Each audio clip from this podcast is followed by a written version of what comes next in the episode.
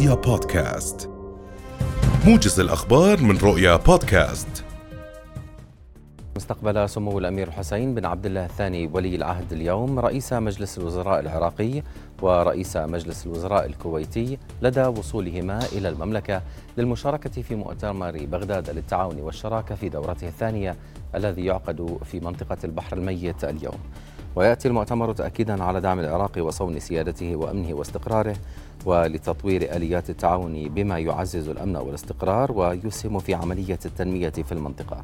وعلى نحو استثنائي تشارك إيران في المؤتمر إلى جانب تركيا وقيادات خليجية في مقدمتها السعودية كما تشارك في المؤتمر مصر والإمارات العربية وقطر والكويت وعمان والبحرين.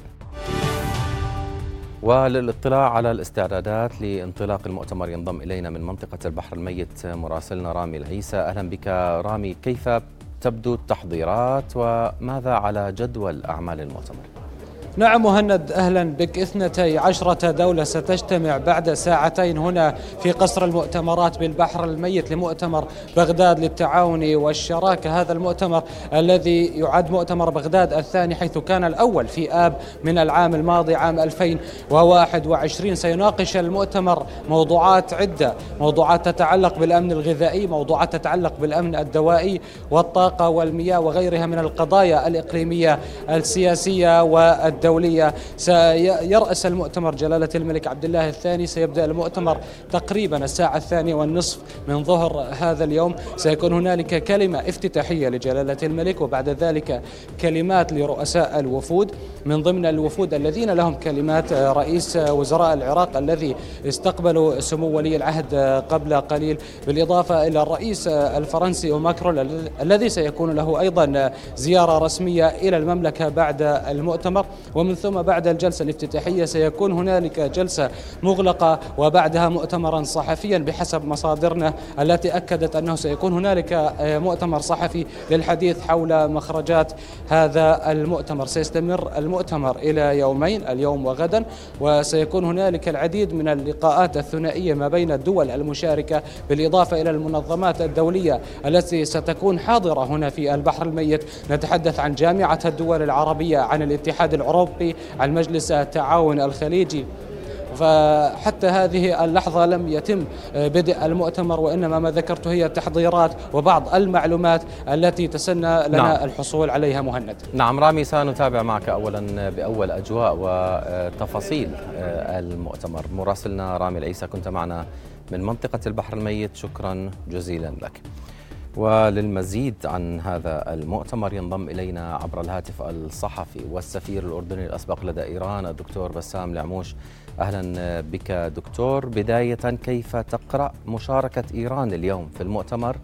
وما هي فرص التقارب بينها وبين الدول المشاركة خصوصا السعودية والأردن؟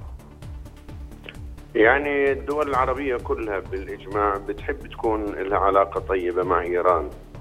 لكن إيران منذ أن جاءت ثورة خميني تحدثت عن تصدير الثورة وبعد ذلك صارت تمارس تصدير الثورة فدخلت إلى العراق مع الأمريكان ودخلت إلى سوريا ودخلت إلى لبنان وأقامت نعم.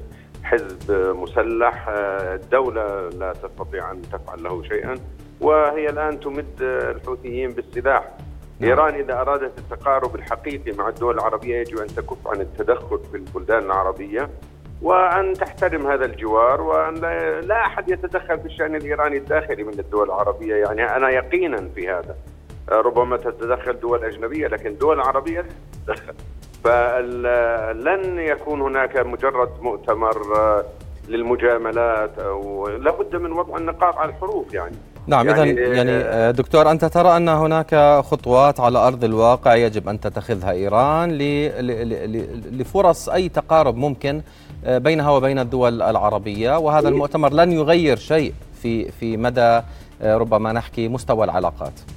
إيران يعني شاطرة في الإعلام والوعود ولكن في التنفيذ هي لا تنفذ يعني يجب عليها أن تلتفت إلى أوضاعها الداخلية ويجب إحنا نحب إيران الجارة وإيران الشعب وإيران المستقرة والقوية حتى ولكن ليس على حسابنا نعم. يعني يجب أن تعلن أنها ليست مسؤولة عن حسن نصر الله، ليست مسؤولة عن الحوثيين وأنها لا تمدهم بالسلاح وأنها لا تتدخل في الشأن العراقي ولا الشأن السوري، إحنا ندعو نعم. إلى خروج أمريكا وروسيا وإيران من سوريا حتى تعود سوريا الأرض العربية اللي بنعرفها، نريد العراق للعراقيين بغض النظر سني شيعي مسلم مسيحي كردي لكل العراقيين كعراقي أما أن يتدخل واحد من الخارج ثم يدخل نصف مليون ويعطيهم جنسيات عبر آه، تجنيس آه، مفتعل فهذا هذا تدخل مكشوف وبالتالي لا يمكن هذه المجاملة الإعلامية أن تكون على حساب الحقائق على الأرض نعم يعني دكتور اذا أعلنت إيران نعم. مثل هذا أظن الدول العربية تقبل نعم يعني نتمنى أن يكون هذا المؤتمر هو البداية لاتخاذ إيران خطوات فعلية على أرض الواقع بالخروج وكف يدها عن التدخل في الدول العربية. آه، سؤال آخر بما يخص البرنامج آه، النووي الإيراني. يعني اليوم المؤتمر آه، أو هذه القمة تعقد بتنسيق من فرنسا. هل سيؤثر هذا المؤتمر على على جمود مفاوضات فيينا النووية؟ أظن أن يعني طبيعة النظام الإيراني أنه يماطل يعني لمن هذا السلاح النووي؟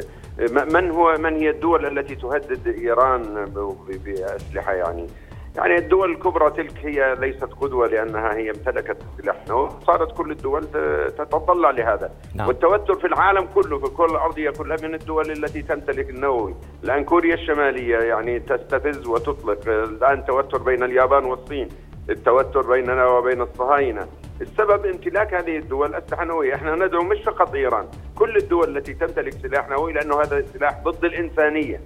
أما التفاهم بالحوار واللجوء إلى المحاكم الدولية إن صح إذا كان هناك خلافات فليكن. أما إنه السلاح النووي هذا يصرف عليه آه، يعني مليارات من البشر. وأظن أن الشعب الإيراني بحاجة إلى هذه الأمر.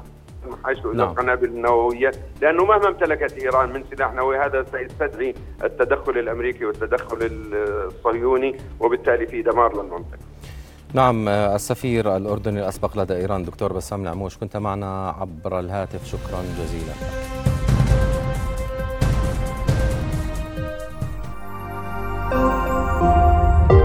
رؤيا بودكاست